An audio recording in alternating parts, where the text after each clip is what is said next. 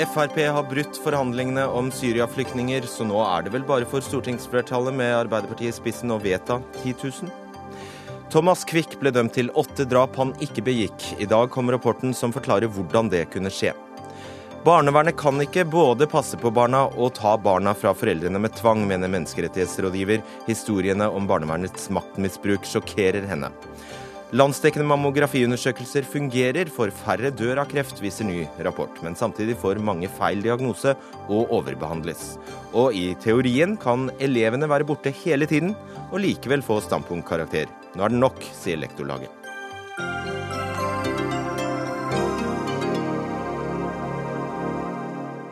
Velkommen til ukas siste Dagsnytt 18. Mitt navn er Fredrik Solvang.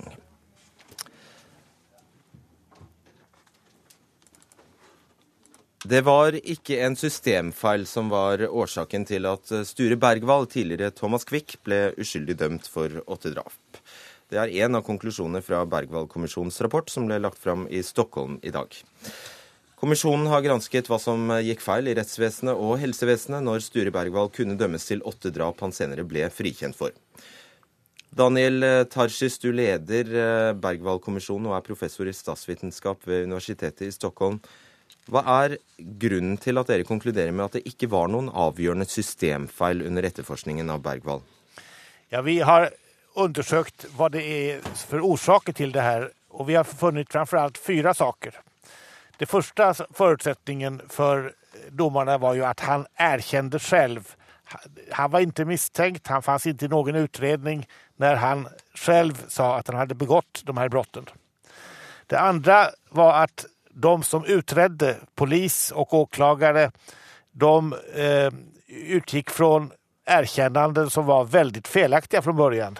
De hade kunnat sluta det hela då, men de fick lära sig från psykologhåll att så där kunde det gå till där en psykiskt sjuk person söker kontakt med hemska dåd i det förflutna.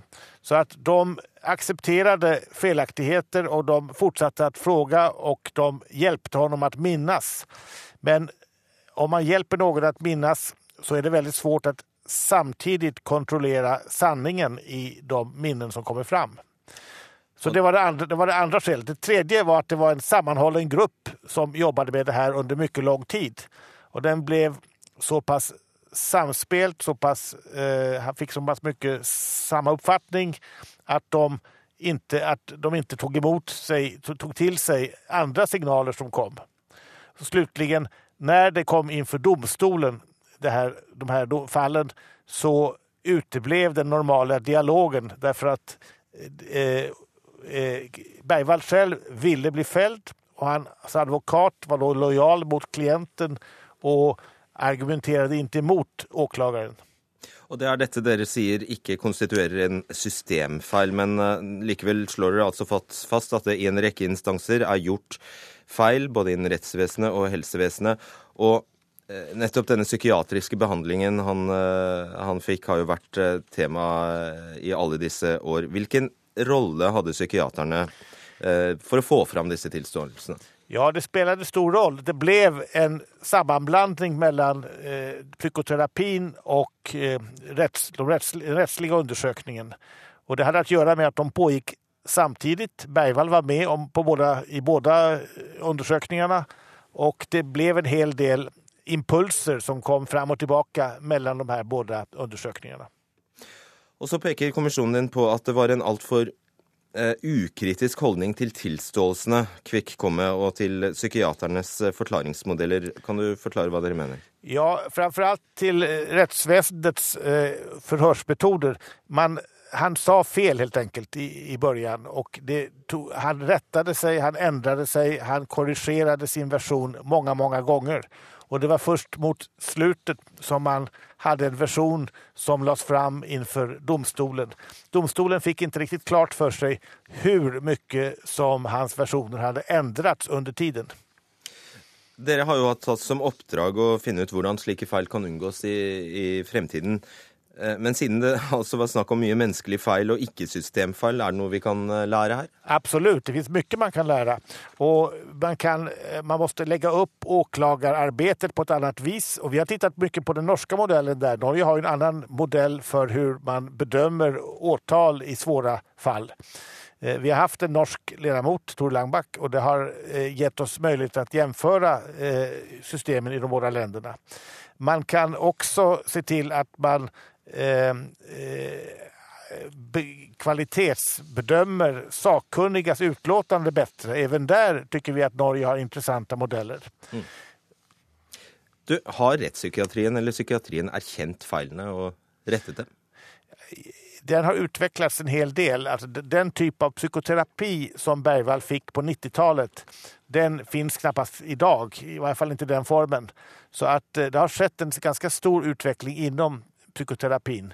Eh, det har også skjedd utvikling inom åklagarväsendet så att många av de fel som vi konstaterer de er tidsbundne, de henger ihop med hvordan det var på den tiden og er ikke lenger aktuelle i dag. Og Takk og lov for det. Jon Christian Grøttum, du er tidligere Kripos-etterforsker. Og Du var med på etterforskningen av uh, Therese-saken, som Sture Bergwall senere ble dømt for. Merket du på noe tidspunkt at ikke alt var som det skulle? Ja, det var jo en del kan du si, opplysninger der som var interessante. Men i min periode, da, i etterforskningen av Therese-saken, så, så, var aldri Sture Bergball eller Thomas Quick et navn vi var innom i noen som helst sammenheng. Norsk politi fikk altså ikke gjøre egne avhør av uh, Thomas Quick. I hvilken grad uh, var det en del av problemet for etterforskningen? Det kan det ha vært. Nå var jo ikke jeg med i den prosessen heller, men det er klart at det hadde vært en absolutt fordel, fordi det var jo kanskje våre kolleger da, som satt på opplysninger og detaljer. Ikke minst er det sånn at detaljene er jo avgjørende. Djevelen ligger der. Så det er viktig å ha med. Kjetil Saugstad, du er journalist og har laget dokumentaren 'Hvem ble lurt?' av Thomas Quick. Er du enig med den svenske kommisjonens uh, konklusjoner? Ja, det, det, var ikke så veldig eh, overraskende det de la fram. Jeg syns de hadde en, eh, en, vennlig og forsonende tone over det, så man legger et lite, lite, pel, et lite pledd over den ganske bitre striden som hele tiden har vært rundt Thomas Quick-sakene. Og det var jo i deres mandat også ikke å lete etter syndebukker. Og i og for seg så er det, som ble sagt på pressekonferanse tidligere i dag, det spørs hvordan man bruker ordet eh, systemsvikt. For det, er en systematisk svikt i alle Thomas Quick-sakene, men det er jo ikke mange saker som egentlig ligner på Thomas Quick-saken.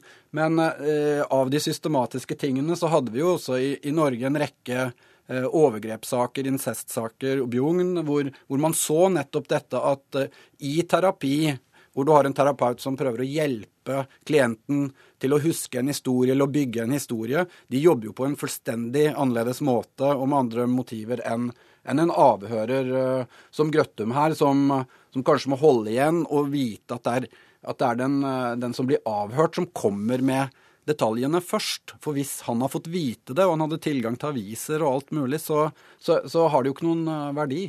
Og nå i ettertid lyder jo det helt logisk, selvfølgelig.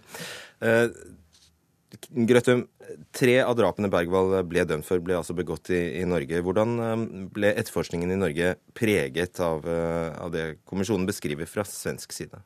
Ja, nå kjenner ikke jeg innholdet i kommisjonen, og jeg var jo heller ikke med på å etterforske de tre drapene som, som vi nå snakker om. Men uh, hvis vi tar utgangspunkt i at en person nær sagt erkjenner 39 drap og blir dømt for åtte, så vil jeg si at det er grunn til å utvise stor skepsis. Ja. Altså, denne gruppetenkningen som, som, kommisjonen eh, snakker om, er et kjent eh, fenomen, og som også Saugestad snakker om, altså at etterforskere låser seg til en forklaring eh, tidlig i fasen. Hvordan garderer man seg mot slike feil? Det må jo være å gå inn i saken med åpent sinn, da. Og om det er jo faktisk en kollega som har skrevet en doktoravhandling om akkurat denne problematikken i forbindelse med noe som han kalte Innocent Project. Altså dette med at du har falske tilståelser.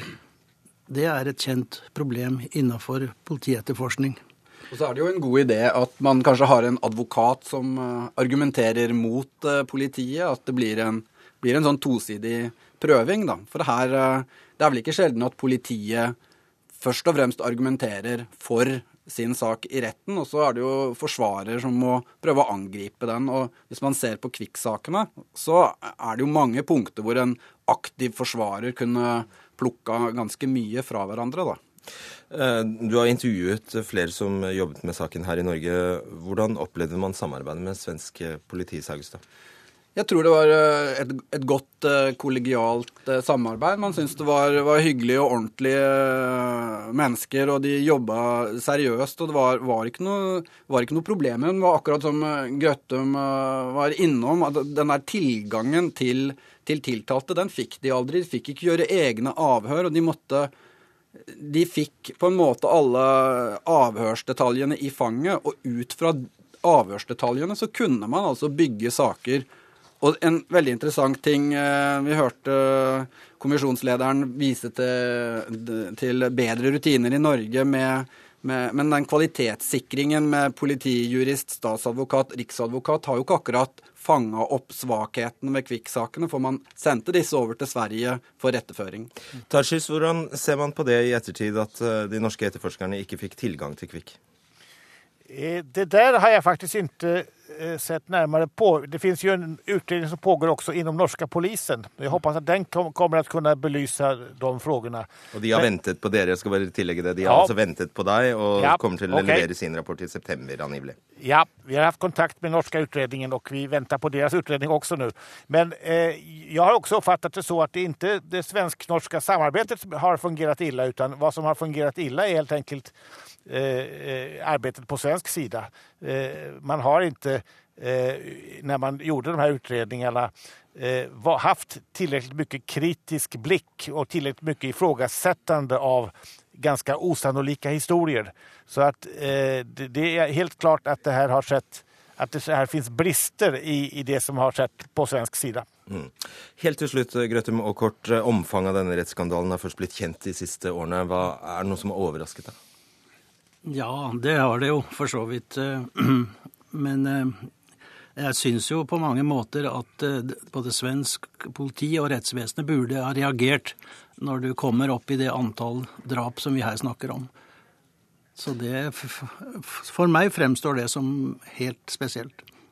Det er nok spesielt. Ja. Takk skal dere ha, Daniel Tarsis, Kjetil Saugestad og Jon Christian Grøttum. Dagsnytt 18 alle hverdager klokka 18.00 på NRK P2 og NRK2.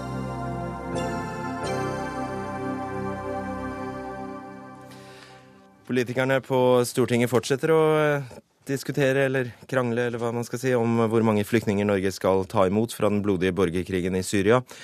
Til tross for at flertallet på Stortinget har gått inn for 10 000. Og nå i ettermiddag ble det kjent at Frp har brutt forhandlingene. Og vi skal høre hvordan parlamentarisk leder Harald T. Nesvik begrunner det bruddet.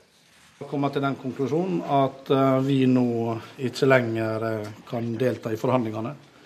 Eh, det beror på at Fremskrittspartiet Fremskrittspartiet i sitt eh, helt klare landsmøtevedtak og det vi har sagt hele tida, at vi vil konsentrere oss om å hjelpe i nærområdet og ikke øke totalantallet kvoteflyktninger som skal komme til Norge.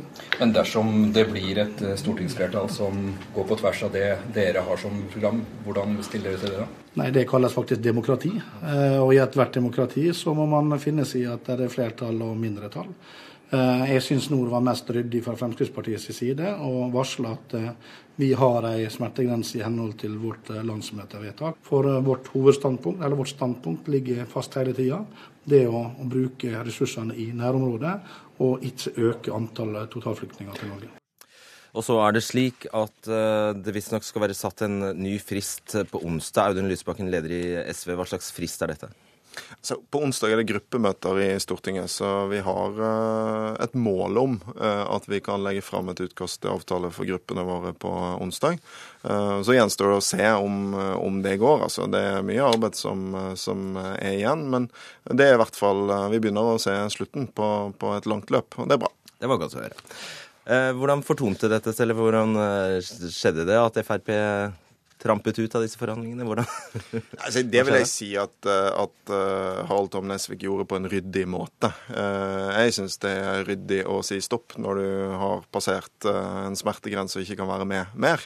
Men det er jo selvfølgelig et paradoks, fordi hvis vi nå kommer fram til en avtale, så er det jo to Fremskrittsparti-statsråder som skal sette den ut i livet. så det blir jo en grad av å protestere for, for all verden, men måtte bli med på ferden likevel.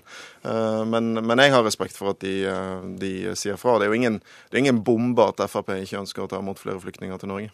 Men Hvordan beskrev han eh, smertegrensa for Frp? Hva, hva, sa han han ikke kunne gå med på? Altså, altså, en av grunnene til at, eh, at dette har vært gode forhandlinger, er at vi har vært lojale mot hverandre og ikke ikke gjengitt det hverandre har sagt, så det tror ikke jeg skal gjøre heller. Frp får velge å si det sjøl. Men, men, men, du kan si det at Fremskrittspartiet går ut, betyr ikke at vi er i mål. Det er betydelig avstand mellom andre partier i disse diskusjonene også. og eh, Det som for meg har gjort at det har blitt ekstra alvor i disse forhandlingene de siste dagene, er jo at det, siden, altså, siden, vi begynte disse forhandlingene, så har altså situasjonen i Syria blitt verre og verre. Nå er det store kamper i Aleppo. Vi kan uh, regne med enda større flyktningstrømmer. Så sånn sett da haster det jo nå med å vise hva Norge vil gjøre. Ja, skal vi bare opplyse, og Høyre sitter jo der fremdeles. Eh, vi skal bare opplyse om at vi har vært i kontakt med Høyre, Frp, Arbeiderpartiet, Venstre og KrF. Det var bare du som ville stille. Takk for det. Eh, Magnus Takvam, kommentator i eh, NRK. Er det overraskende at eh, Frp trekker seg?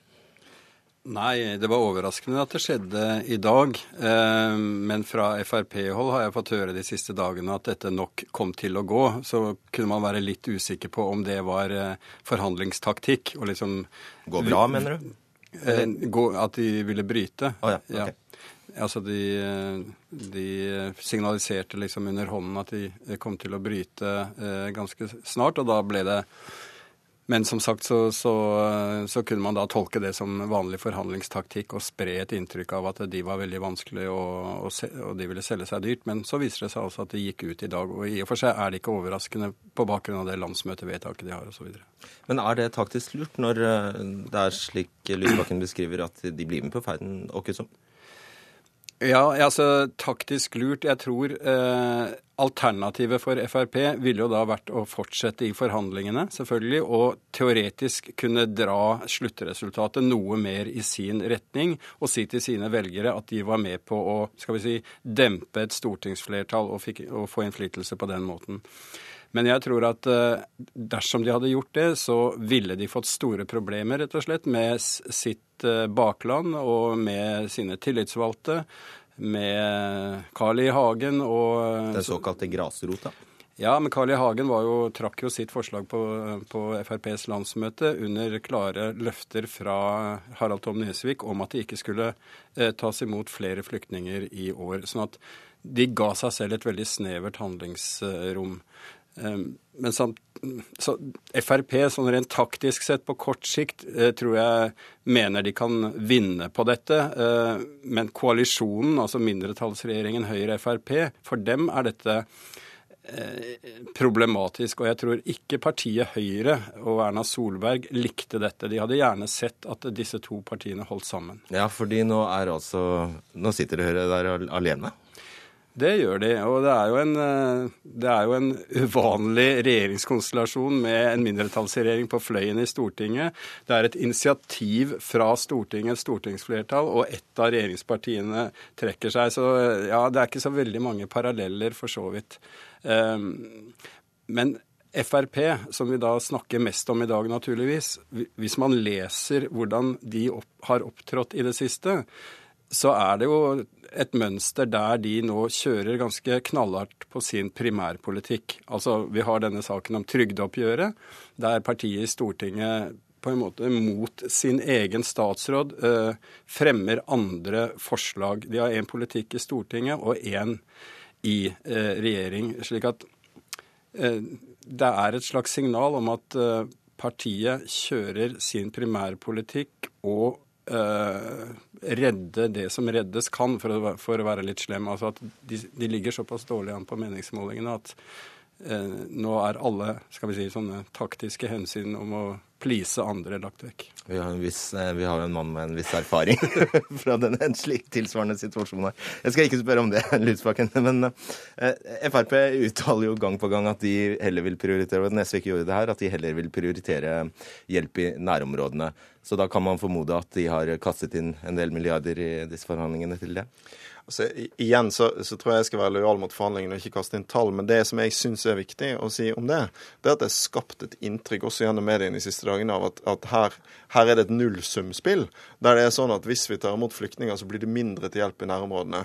Jeg tror det i realiteten er omvendt. Den debatten som har gått om flyktninger denne våren, kommer forhåpentligvis til å føre til en samlet sett mye mer kraftfull norsk innsats. Som betyr mer til hjelp i nærområdene og mer til å ta imot flyktninger. Det er SV sin, sin sitt klare utgangspunkt, at vi nå skal styrke innsatsen på begge deler. Og Sånn sett så mener jeg at en del av de ekspertene som har vært ute med disse regnestykkene, kanskje viser at de ikke altså de kan nok mye om eh, hjelp i nærområdene, men kanskje litt mindre om hvordan politikk blir til. Eh, og her eh, tror jeg vi skal få til noe bra for, for begge deler. og Det er i hvert fall det som må til for at vi skal være med. Så går det forlydender om at det bare er to partier på Stortinget som helt standhaftig fremdeles står på tallet 10 000, at det er dere og Miljøpartiet De Grønne. Du trenger ikke å bekrefte det, men det vil vel i alle henseender ta seg ganske dårlig ut når eh, Frp er ute av dansen, om det ikke havner opp til 10 000. Altså, eh, mitt utgangspunkt har hele tiden vært at det flertallet som er etablert på Stortinget, det må vi klare å bruke. Og at jeg tror velgerne vil synes det er vanskelig å forstå hvis vi ikke klarer det. Så går en inn i forhandlinger med utgangspunkt om at alle må gi og ta. Vi er også villige til å justere oss noe, men vi må få en god avtale både på hjelp i nærområdene og på antall flyktninger hvis, eh, hvis, SV skal være med. Så blir det en spennende uke. Det blir veldig spennende, og det er Arbeiderpartiet enig med deg i? Det vil jo uken som kommer eh, vise, men det håper jeg. Hva tror du dette ender med, Taco? Det er vanskelig å si. Jeg tror eh, en mulighet er at Arbeiderpartiet og Høyre- og sentrumspartiene blir enige om en eh, pakke. Så er jeg usikker på om SV og Miljøpartiet blir med. Det avhenger selvfølgelig av hvor langt disse, eh, dette andre flertallet jeg snakket om, vil gå i, i, saken. Det er nok en grense for både SV og Miljøpartiet for hvor mye mindre de kan Uh, gå med på uh, i forhold til sitt landsmøtevedtak. Så det er spenningsmomentet. Og etter det skal Frp iverksette dette, så det blir spennende. Takk skal dere ha.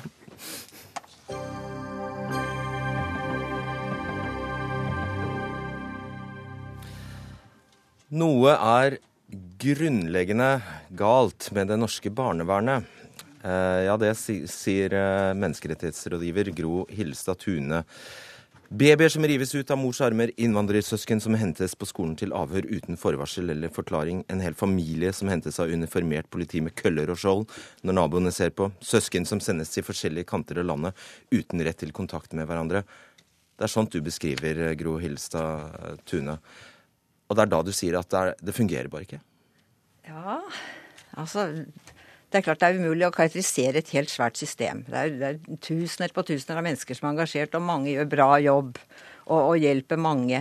Men, men, jeg tror at den kritikken vi har fått fra utlandet, bør vi egentlig også her i Norge være glad for. For vi må åpne øynene og se litt på systemet. Og det jeg har lyst til å si, er at det, dette er Altså I realiteten sett med menneskerettighet, mine menneskerettighetsbriller, så er den kommunale barnevernstjeneste et, et veldig lukket system. Må den ikke være det? Jo. Men blik, og blikket utenfra er, er lite. Og da, og da, må vi stille veldig strenge krav til rettssikkerheten rundt det. Og, og, etter mitt syn så er rettssikkerheten knyttet til dette systemet i dagens Norge ikke i samsvar med Det, er ikke noe balanse mellom de oppgavene og det ansvaret og det som skjer, og det klage-, kontroll- og tilsynssystem som er etablert. Og det er den diskusjonen jeg etterlyser. Vi må ha et bedre Altså et rettsvern. For i praksis, de som da opplever de tingene som du nevnte, de, de er i mange situasjoner forsvarsløse. De har ingen steder å gå med sin, sin klage. Fordi at deres, det de opplever, deres opplevelse, altså den faktiske situasjonen de har vært oppe i, den, den, møtes ikke av klagesystemet, som sitter og ser om det er riktig lov, riktig paragraf, riktig skjema. Sånn at vi må, og, og da, opple, da, er det ikke tilstrekkelig rettssikkerhet. Og det er da du sier at man må dele barnevern. Altså, dette må deles i to. Det kan ikke være både de som er satt der til å hjelpe, som tar barna ut. Nei, altså det, det er en dobbeltrolle som jeg tror verken du eller jeg hadde håndtert så veldig godt. Fordi at hvis du skal hjelpe, så må du bygge tillit, du må vise respekt, du må ha dialog.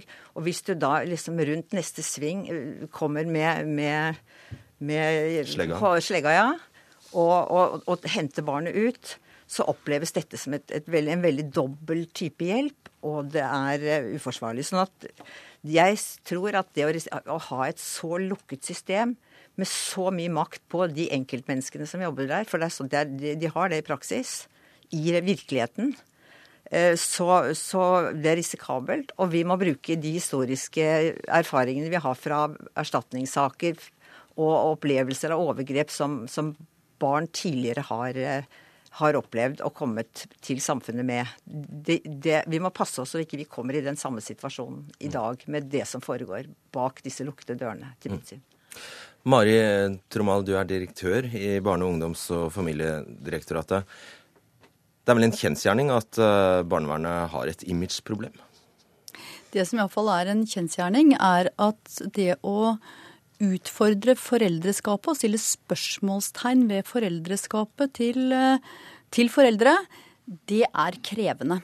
Og det betyr at i de tilfellene som man tar omsorgen fra foreldre, så er det helt naturlig at foreldrene både blir sinte og føler seg krenket. Det tror jeg at vi ikke klarer å gjøre noe med i verken på kort eller lang sikt. Og så skal jeg med en gang skyte til å si det betyr ikke at ikke vi skal ha god omsorg også for foreldre som blir fratatt barna sine. Men én ting som jeg gjerne vil eh, poengtere, er at i Norge så har vi vært veldig opptatt av barns rettssikkerhet. Og jeg tror vel kanskje dette også er bakgrunnen for noen av de utfordringene som Gro Hillestad Tune peker på. Fordi vi har hatt mange saker hvor man har pekt på at barnevernet kommer for sent inn. Jeg kan nevne her Kristoffer-saken, Alvdal-saken eller andre saker. Og det har nok gitt en uro hos mange i barnevernet som nettopp gjør at de kanskje blir for raske. Og med dette mener jeg det akutte som de gjør. Det betyr ikke at ikke man skal sette i gang tiltak, men kanskje man ikke gjør det på en hensiktsmessig måte. Så påpeker eh, jo Hilstad Tune at det er en iboende konflikt her. Altså Mens barnevernet tidligere eh, hadde til hovedoppgave å, å, å gi fri, en slags frivillig hjelp, da, så har barnevernet blitt noe helt annet. Og i dag tar dere hånd om over 50 000 barn, mange med tvang. Er, er ikke det et stort poeng at barnevernet er noe helt annet nå enn det var? Ja, Det som iallfall er viktig i det du peker på, er at barnevernets hovedmål er jo nettopp å beskytte barn og tilby hjelp til foreldre, sånn at de bedre mestrer hverdagen sin og kan ivareta barna. Og det gjør de i Norge i dag også. Langt de fleste barnevernssakene handler nettopp om å tilby økonomisk hjelp eller foreldreveiledning eller råd, og det er jo sånn sett et fåtall saker hvor man har omsorgsovertagelser. Altså, dette er den snille, ideelle verden. Det er den vi ønsker skal være, og som jeg også ønsker. Det jeg prøver å si, at den verden er det.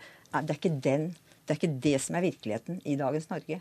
Og det er det dere som sitter på toppen av dette systemet, må forstå at, at, at dere er nødt til i større grad å høre på de som forteller om at det skjer overgrep, om disse historiene, og gå, det, gå dette i møte. Og det har vært altfor mye sånn tofronts vi må komme sammen, og, sitte, og, flere må sette seg ned og snakke om hvordan skal vi få et system hvor sånne ting, risikoen for at den type behandling blir så liten som mulig. Og Dette er et gammelt problem. Jeg har en bok fra, av Geir Bennike som ble skrevet fra 1967, hvor hun etterlyser nettopp én er lovverk, gir lovverket rett, god nok rettsvern. To fungerer disse lovene godt i praksis. Mitt poeng, altså Menneskerettighetene handler ikke om regler, det handler om, det som, om handlingene, hva som skjer i virkeligheten. Og det er, det er, de som ikke er gode nok i dette systemet. Og etter mitt syn så er, henger dette igjen sammen med for mye makt på, på hender som ofte ikke har kompetanse i forhold til vanskeligheten, vanskelighetsgraden i det, det opp, de oppgavene de har. For det er fryktelig vanskelig. Hvis du svarer kort, så får jeg straks introdusert tredjemann her. Ja, jeg kan være helt enig med deg i at det er helt sikkert områder som barnevernet kan bli bedre på. Men det, man skal ikke etterlate et inntrykk om at dette er et, hva skal vi si, et rettsfritt område.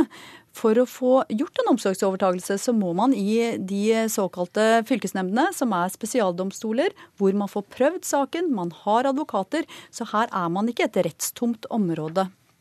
Morten Stordalen, du er stortingsrepresentant for eh, Frp. Eh, Syns du det er riktig at uh, samme instans både skal hjelpe og gripe inn når en familie har problemer? Jeg syns det er en interessant uh, tanke som Hilstad Tune har i forhold til Hun tar til orde i kronikken også for å dele opp barnevernet, muligens. Jeg syns det er interessant å tenke tanken. Fordi at det er klart, i barnevernet så har man putta på enormt mange oppgaver. Jeg får enormt mange henvendelser hver eneste uke fra foreldre som mener seg urettmessig behandla. Det er en, det er en tillitskrise. Uh, og jeg tenker sånn at Det er ikke alle ting som nødvendigvis er en barnevernssak av henvendelser som går til barnevernet. Det er foreldre som uh, ber om hjelp. Uh, rett og slett litt avlastning. At man er mestrer ikke foreldreoppgaven og er slitne. Spør om hjelp. Da skal de ikke være redd for det at man skal miste omsorg for barnet. Men det foreldre gjør, er at man kvier seg fordi at man hører historier. Leser historier, får servert. Og når folk føler at de ikke har tillit, da er det ikke tillit. Og da tenker jeg at eh, Det kunne vært interessant å, tatt, å sett på en modell hvor man kan tatt noen av oppgavene ned eh, fra barnevernet. Rett og slett foreldre veiledningsoppgaver, familie bistand til enkle tiltak som ikke er noe barnevernssak, men det er rett og slett en foreldreveiledningsrolle. Så man kan henvende seg det er ufarlig å henvende seg. Eh, og så mener jeg barnevernet skal fortsatt ha barnevernssaker de alvorlige, men så er det et annet dilemma. Det er i forhold til hvor brutalt det kan være, og en del saker man også setter med den siste tida. Eh, når man har eh, saker hvor politiet skal inn, og det går to-tre måneder før politiet kommer.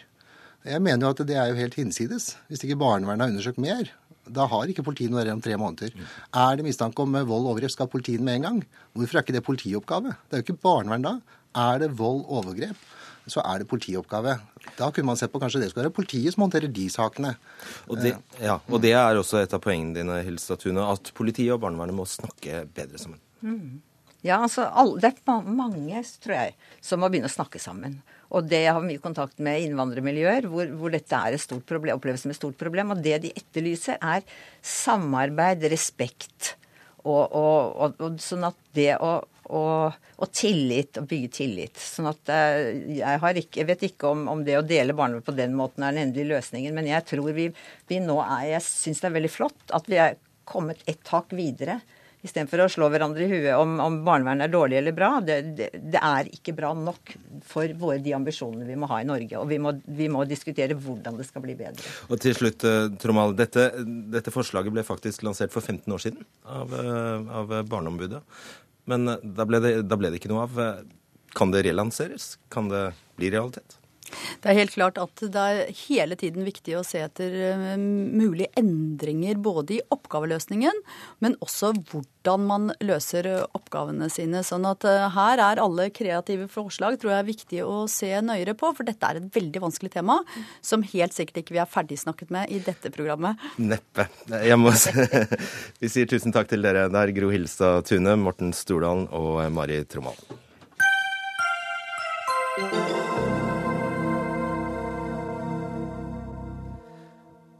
Dødeligheten for brystkreft er kraftig redusert pga. Eh, landsdekkende mammografiundersøkelser. Ja, det viser en ny rapport fra Forskningsrådet. For screeninger av bryster har redusert brystkreftdødeligheten med opptil 30% Samtidig viser rapporten at altfor mange blir overdiagnostisert. Seniorforsker i Kreftregisteret Solveig Hoffvin, eh, er dette gledelige nyheter for norske kvinner? Dette er en merkedag for eh, alle oss som jobber i mammografiprogrammet og har gjort det siden 1995. At vi nå får en ekstern evaluering som viser at eh, vi reduserer dødeligheten av brystkreft som følge av mammografiscreeningsprogrammet for kvinner 50-69 år. Burde man ikke visst det på forhånd? Jo, det visste man i randomiserte, kontrollerte studier. Men at vi da kan vise det også i 1995 med den måten vi har gjennomført det i Norge, og at det også vises av eksterne forskere. Det er en ekstern, uavhengig gruppe som nå viser dette. Og det har vi venta på i ti år, denne rapporten. Så vi er veldig fornøyd med den rapporten. Og at den viser at det er noe overdiagnostikk, ja det var vi også klar over. Men alle fordeler har sine ulemper også. Er det ikke så enkelt, lege og forsker Mette Kallager? Eh, så enkelt som at det reduserer dødeligheten. Og at det har noen ulemper. Ja. Nei, det er jo ikke det. Eh, jeg er enig i at det er en dødelighetsreduksjon. Eh, og hvis vi skal se på de tallene som denne komiteen eller eh, rapporten beskriver, så sier de at av 10 000 kvinner som screenes, så redder vi 27 fra å dø av brystkreft. Og så overdiagnostiserer vi 142 stykker. Hva betyr det? Bare, bare forklar det. Hva betyr det å overdiagnostisere? Overdiagnostikk, det er at vi finner brystsvulster ved screening som du ikke ville funnet hvis du gikk til screening. Det vil si at det er kreftsvulster som enten går tilbake av seg selv, at, at kroppen svarer på en en slags immunrespons eller noe sånt, eller at de vokser så langsomt at de ikke ville gitt deg symptomer eller tatt livet av deg. Og dette er et eh, fenomen som vi er ganske ukjent med. Og det er i og for seg relativt nytt og startet i prostatakranserscreening med, altså med PSA-screening. Og så ser vi at det forekommer i brystkreftscreening også. Og vi ser at eh, disse tallene er ganske like både når det gjelder brystkreftscreening og prostatakanserscreening. Men hva er gærent med det? Hva, hva er gærent med at det overdiagnostiseres litt? Nei, det kan du si. Ehm, det som er gærent med det, er at eh, dette er friske personer. Når vi screener, så trekker vi ut friske personer. Og den eneste grunnen til at vi screener, er at det er kvinner, og at det er en aldersgruppe 50 69 år. At de har pupper? Ja. Det er også en forutsetning. Og så er det sånn da at uh, dette er kvinner som er friske, som får en diagnose. En kreftdiagnose. Ikke bare får de diagnosen, men de blir behandlet også for sin kreft. Fordi vi kan ikke skille disse tumorene fra andre tumores. Det vil si at de gjennomgår både kirurgisk behandling, som da enten er eh, at du fjerner hele brystet, eller at du tar vekk en del av brystet med påfølgende strålebehandling. I tillegg til dette så er det snakk om at man kan få antihormonell behandling. altså Dvs. Si at de som ikke er i overgangsalderen ennå, kommer i overgangsalderen. Og de kan også få cellegift. Og dette er ikke ubetydelige Eh, bivirkning med denne behandlingen. Vi kjenner til at eh, kvinner som får behandling for brystkreft, de har økt risiko for hjerte- og kardød.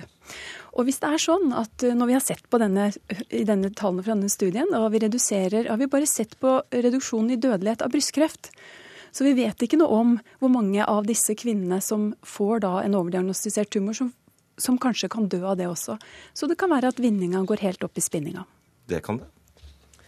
Ja, jeg syns Mette Kallager overdimensjonerer problemet med overdiagnostikk. Vi vet at det er et problem, men vi har ingen biologiske bevis for at svulster går tilbake. Det er klart at en kvinne som har en svulst, og som gjennomgår menopause, hun vil få et annet hormonspeil i kroppen, og dermed så kan svulsten krympe. Men det er ingen holdepunkter i dag som har vist at svulster går tilbake av seg sjøl.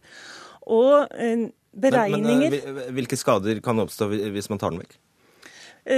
At man tar vekk en svulst. Det er jo det som er hele poenget med screeningen. At man oppdager eh, svulster tidlig, sånn at kvinnene kan få veldig skånsom behandling. I forhold til det som var eh, mest vanlig før, hvor kvinnene hadde eh, spredning til fjerntliggende organer, så er det i dag små svulster som krever minimal behandling.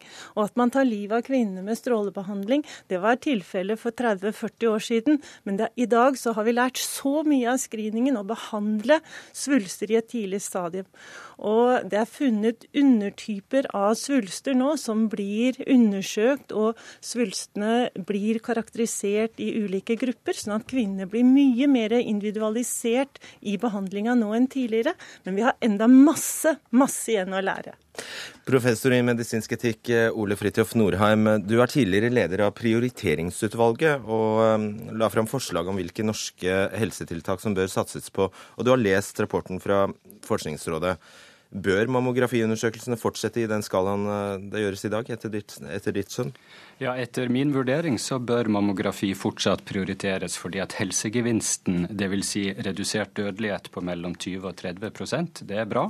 Og det står også i et godt forhold til ressursbruken. Rapporten fra Forskningsrådet har jo eh, vist til eh, helseøkonomiske analyser også, som viser at kostnadene i forhold til helsegevinsten er ganske bra sammenlignet med mange andre tiltak i helsetjenesten. Og konkret så betyr det at det lønner seg å bruke 470 millioner kroner på eh, denne nasjonale screeningrunden annethvert år. Ja, fordi dødeligheten går ned. Og da er det da kvinner som blir redda, og eh, man vinner mange gode leveår for disse kvinnene. Men så har jo Mette Kallager rett at det er noen ulemper òg. Eh, det er ca. fem kvinner som blir overdiagnostisert for hver kvinne som reddes. Så dette er jo en avbalansering mellom gevinst og ulempe som myndighetene har gjort. Og jeg mener at det er en riktig avbalansering. Det er viktigere å redde ett liv selv om ulempen er da at fem kvinner blir overdiagnostisert. Konsekvensene av overdiagnostikk kan være eh, betydelige, men sammenlignet med det å få redda livet sitt, så mener jeg at det er en riktig vurdering. Du, Hvis jeg har forstått det rett, så er det jo ikke brystkreft som er den hyppigst forekommende kreftformen i Norge. Det er eh, prostatakreft, stemmer det?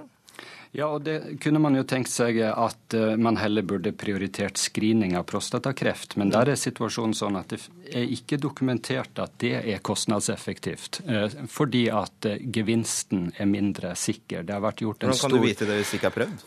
Det har vært gjort flere studier av prostatascreening, og en stor oppsummering fra noe som kalles for Cochrane-databasen viste at det ikke var en sikker reduksjon i dødelighet ved den type screening. og Dermed kan ikke det prioriteres. Er du enig i dette, Kallager? Eh, ja, det var, det var, veldig mange punkter. sånn at jeg, jeg tror Ta det siste. Det, det å sammenligne, altså Hvis prostata? man sammenligner prostata og brystkreft. Ja, Hvis du sammenligner prostatakreft og brystkreft, så faller det ganske likt ut. Sånn at jeg er ikke enig med Norheim i at de dataene som viser, de randomiserte studiene viser at det er, gans, det er 20% reduksjon i dødelighet i prostatakancer eh, når du screener. Overdiagnostikken er på omtrent samme nivå. Men hvis vi skal ta dette litt videre, fordi du sier det er kostnadseffektivt, og det er jo interessant, for i en kostnadseffektivitetsanalyse så vil jeg tro at det går med at du ser på dødelighet, overall dødelighet, og ikke totalt på brystkreftdødelighet.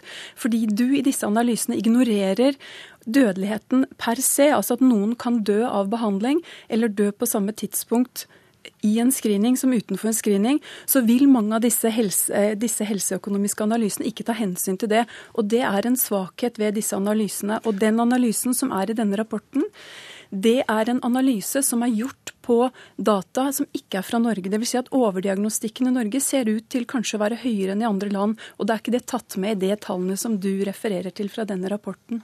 Jeg, jeg må bare, før du slipper til, jeg må bare stille deg ett spørsmål. Jeg tror mange sitter og tenker, tenker på eh, og klør seg i hodet over hvorfor dette engasjementet mot eh, mammografi. Jeg er ikke imot mammografi, fordi mammografi er et eh, diagnostisk verktøy. Så det må vi ha. Det jeg ikke liker, det er at vi inviterer kvinner hvert annet år til et tiltak som jeg mener at vi ikke har Balansen mellom fordelene og ulempene er ikke til stede. Jeg er ikke enig i konklusjonen til rapporten, og jeg er heller ikke enig med Norheim og Håfinn her på det. Er det populistisk? Jeg vil anbefale kvinner å møte til eh, mammografiscreeningsprogrammet. Eh, WHO de har akkurat gitt ut en rapport i går hvor de også konkluderer med at reduksjonen av eh, brystkreftdødelighet er betydelig høyere enn det vi viser fra Norge. Så at de estimatene som er fra Norge, de er konservative. Når det gjelder overdiagnostikkratene, så er jo Kallager ganske langt utenfor det resten av verden er. Jeg kommer akkurat fra en, fra en konferanse. Det trenger ikke å bety hun tar feil? Nei, men det er jo rart da hvis hun alene har en studie som viser tall som er langt utafor det som, som, resten viser. Men jeg vil oppfordre kvinnene til å møte og føle seg trygge i mammografiprogram. For dødeligheten er enda høyere blant de som faktisk møter. Du får svare med to ord. Jeg, jeg, jeg, må bare si det at jeg, jeg har ikke vist noen, tall, noen andre tall enn de som de viser i rapporten i dag. Ok, Takk skal dere ha, Solveig Hoffvin, Mette Kallager og Ole Fridtjof Norheim. Hør Dagsnytt 18 når du vil. Radio NRK Radio.nrk.no.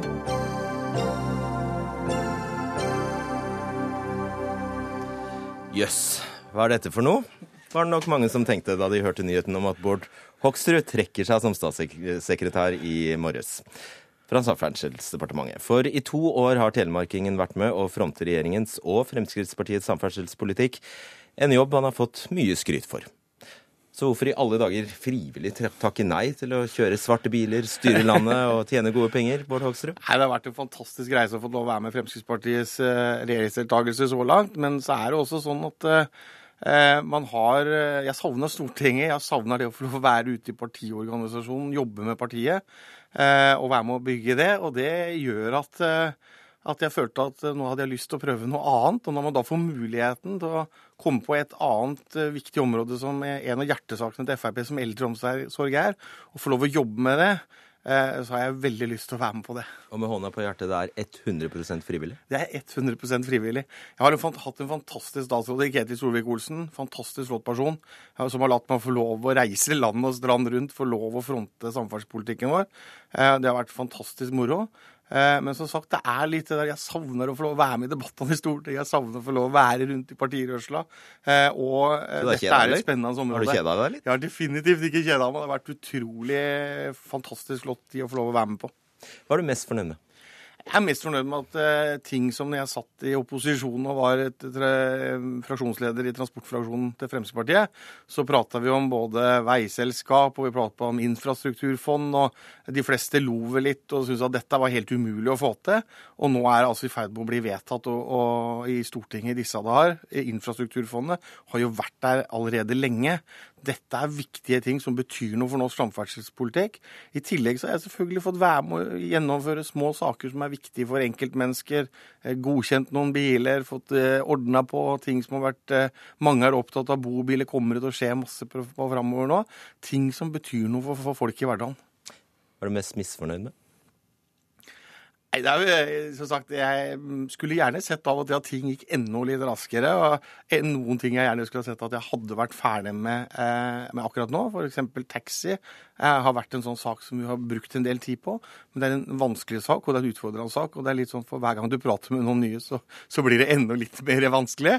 Men det er en sak som jeg er trykk trygg på i departementet, og som politisk ledelse kommer til å følge opp på en kjempegod måte. Jeg tror jeg skal hjelpe deg litt på det punktet om det du kan være misfornøyd med. Jeg kan garantere at det blir bompengefritt over hele landet om jeg blir samferdselsminister, sa du før valget i 2013. Og nå ble det jo ikke det, da, men eh, Likevel, du har vært med på å åpne langt flere bomstasjoner enn du har uh, lagt ned. Ja, Men det er ikke riktig. fordi når du sier at jeg har vært med å åpne langt flere bomstasjoner enn jeg har lagt ned, så, har jeg, tror jeg, så, tror jeg, så tror jeg heller ikke jeg har gjort det. Men dette er også ting som er vedtatt i Stortinget før vi kom inn i regjering. Altså Det er NTP, og det er oppfølging av den. Og det ville altså vært mange flere bomstasjoner hvis vi ikke hadde sittet i regjering. Ja, men Det, det er et stykke fra det til å love at de skal være helt fjernes. jo, det sier jeg, men, men vi har altså 29 av 169 stortingsrepresentanter. Det betyr at det er et, et veldig eh, mindretall som gjør at man klarer ikke å få fullt gjennomslag for politikken vår. Men Som du forutsatte i 2013 at dere fikk fullt flertall? Selvfølgelig er det sånn at når man er ute, så fronter man partiets politikk og primærpolitikk, og så må man forhandle. Men vi har fått redusert, og det var gøy å reise til Alta og bare fjerne bomstasjonen. Eh, og det ble ikke bommer i det hele tatt, fordi det var en ny regjering som ville noe annet. mange har du greid å fjerne? Det er vel syv eh, vi har tatt helt bort, og så har vi fjerna og redusert masse i andre. I mitt eget fylke på Bypakke Grenland som kom nå, så ble det 450 millioner mindre å betale for bilistene, som med en annen regjering måtte betalt de 450 millioner kronene. Hva skal du gjøre nå? Nå skal jeg jobbe med eldrepolitikk. Gleder meg til det. Det, er, det blir litt rolig nå i helga. Men på mandag så er det full fart igjen, og det er full fred. Så jeg tror folk skal se at eh, Hoksrud kommer til å reise like, like mye rundt omkring i landet. Være opptatt av det som eh, mange er opptatt av, eldreomsorgen. Og at man får en trygg og verdig eldreomsorg. Og at vi får på plass den forsøksordningen som gjør at man får en sykehjemsplass når man har behov for det. Og ikke statlig finansiert, ja. Uavhengig av kommuneøkonomien. Kan du noe om det? Jeg har eh, nesten 20 år som kommunepolitiker og sittet i helse- og sosialutvalget og vært leder i to perioder. Men de fleste kjenner man nok som samferdselspolitiker. Jeg kommer fortsatt til å, passe på samferdselsministeren og, og, komme med noen gode råd innimellom på samferdsel. Man slutter jo ikke å være opptatt av det selv om man skifter et politisk eh, tema. Eh, så vil man fortsatt ha med seg det. Jeg er fortsatt glad i gamle veteranbusser. Jeg er fortsatt glad i gamle biler. Jeg er glad i amerikanske biler og, og de tinga som jeg har vært i samferdsel. og transportnæringa. Men nå skal jeg få lov å, å fronte et annet tema i Stortinget. Er, ikke, er det ikke Kari Kjønaas Kjos som har den rollen du skal ha nå? Nei, Kari Kjønaas Kjos hun er leder og vil fortsatt være leder i, i, i helsekomiteen. Jeg skal ha ansvar for eldreomsorgen, og det er en hjertesak for partiet. Eh, som vi eh, har eh, jobba med, og som vi må fortsette å jobbe med for å få fram den fantastisk gode eldreomsorgspolitikken. Sånn at eh, vi skal få gjennomført den framover. Men du er jo så ung. Jeg er ung, men det kan være bra kanskje at det er noen unge med på laget eh, og kjempe for de, for de eldre. Og det å få lov å være ombudsmann for Frp eh, i Stortinget, det gleder jeg meg til. Følge opp og hjelpe, hjelpe folk til å få en verdig, trygg og sikker alderdom. Er det Siv som har uh, utpekt deg? Nei, det er, er, det er jo sånn at her er det partiet som, som uh, har gitt meg den muligheten. Uh, Harald Tom Nesvik, som har sittet i komiteen, han uh, valgte å ønske å gå til utenrikskomiteen. så dette er noe som blir kjempespennende å få lov å jobbe med. Til slutt, hvorfor gjør Frp det så dårlig om dagen?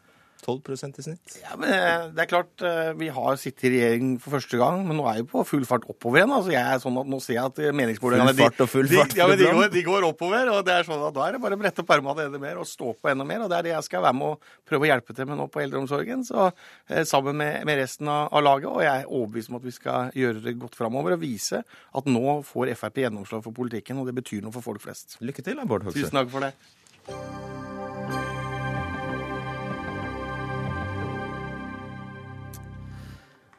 Til høsten kan elever risikere å miste karakteren sin dersom de er borte fra skolen, tenkte jeg. Utdanningsdirektoratet foreslår en prøveordning der elever med mer enn 15% fravær ikke skal få standpunktkarakterer. Eh, det er urimelig å straffe elever med høyt fravær, mener Elevorganisasjonen. Kristoffer Hansen, du er påtroppende leder der. Virkelig? Er det virkelig urimelig? Det er ikke urimelig å straffe elever som, som har et fravær hvis de ikke gjør jobben sin, men jeg mener at det er urimelig å si at elever som bærer fordi at de ikke er på skolen en viss prosent, ikke skal ha rett til karakter. Fordi karakteren den skal jo basere seg på hva du kan, ikke hvor mye du er i klasserommet eller ikke. Eh, så i teorien syns du det er greit å ikke være på skolen i det hele tatt? Nei, altså du skal, hvis du har valgt å takke ja til en skoleplass, så skal du jo selvsagt møte den opp. Og i dagens lovverk så heter det jo at eleven ikke bare skal møte opp til skolen, men den skal også delta aktivt i undervisninga, noe som elever i dag gjør.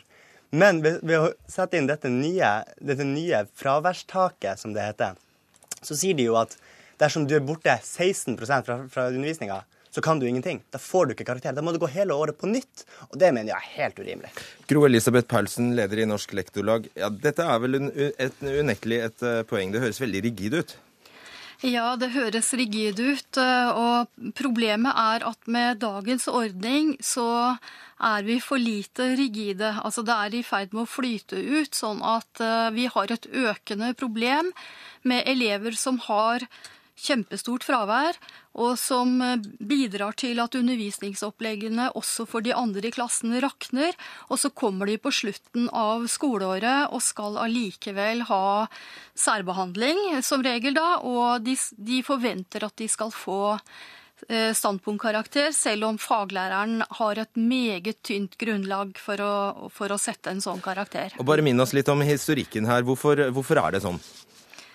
Eh, altså eh, det har vært praktisert tidligere en, rett, en, en, regel. Den har ikke vært formalisert, men da var det en regel som sa at hvis elevene hadde 15% fravær, så kunne de ikke eh, få standpunktkarakter.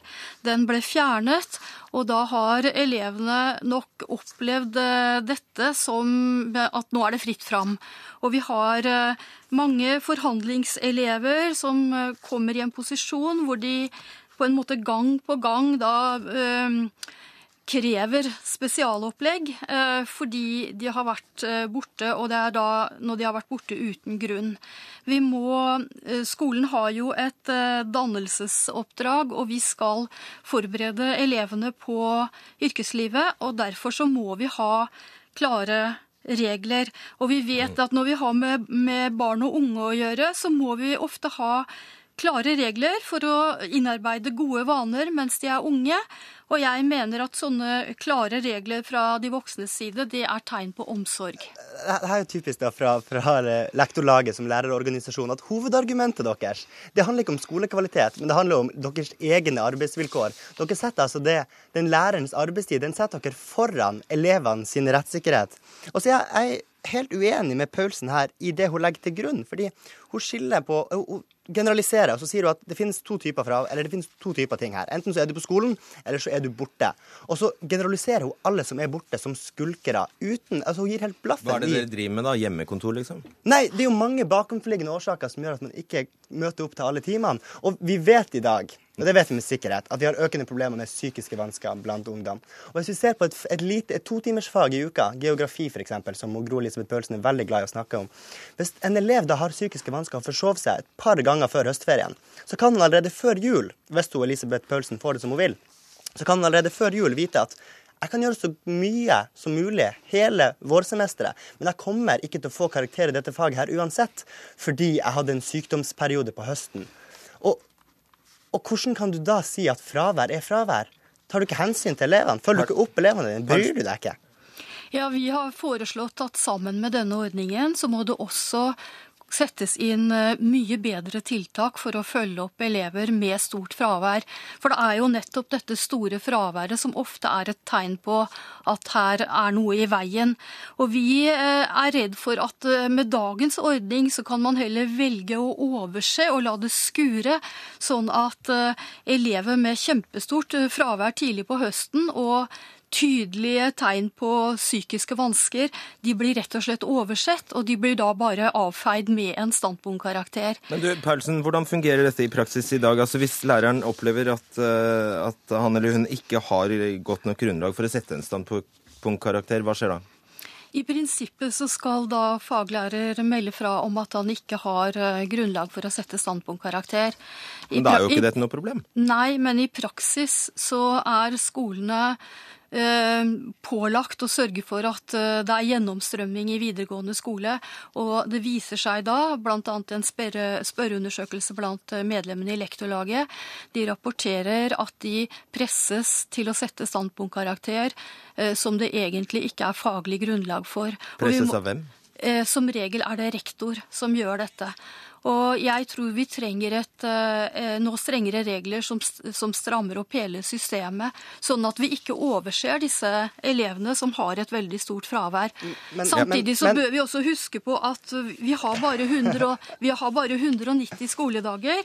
Og eh, med, med, lovlig fravær, litt fravær, da 10% så skal elevene bare kunne møte halvparten av årets 365 dager. Så det er jo ikke eh, det er jo ikke veldig strengt, dette her, egentlig. Men, men, men, men det, du, det du snakker om, de enkeltproblemene som du kjenner til, og så viser du til denne medlemsundersøkelsen som dere medlemsskole har. Det vi vet, er at det er jo veldig mange skoler rundt om i Norge i spredt langs hele landet, som får dette til kjempebra, med lærere som har klasser der elevene møter opp, og fravær ikke engang et problem. Det er de flinke lærerne, de som får det til. Hvorfor kan vi ikke la de være med å bestemme politikken, istedenfor de lærerne som føler seg trua av elevene sine, og de som ikke får det til? Jeg mener jo at det er de flinkeste lærerne som skal være med og ha sin sei her, ikke de lærerne som ikke klarer det. For det går innenfor dagens regelverk. Det er det mange skoler som klarer å ha bevist. Ja, vi, vi, er uenig i det, faktisk. Og jeg har eh, ganske god kontakt med, med, skolesystemet. Og jeg vil eh, på det bestemteste gå imot at det er de dårlige lærerne som vil ha et uh, sånt fraværssystem. Det er rett og slett tull å beskylde uh, lærerne for at de er dårlige, og derfor skal de ha denne regelen. Og Nå er det altså snakk om en uh, prøveordning i tre år. Er det tilstrekkelig? Det er veldig fint at vi får en prøveordning, for da kan vi jo også få en evaluering, og vi kan se hvordan dette fungerer. Så det, det er alltid positivt.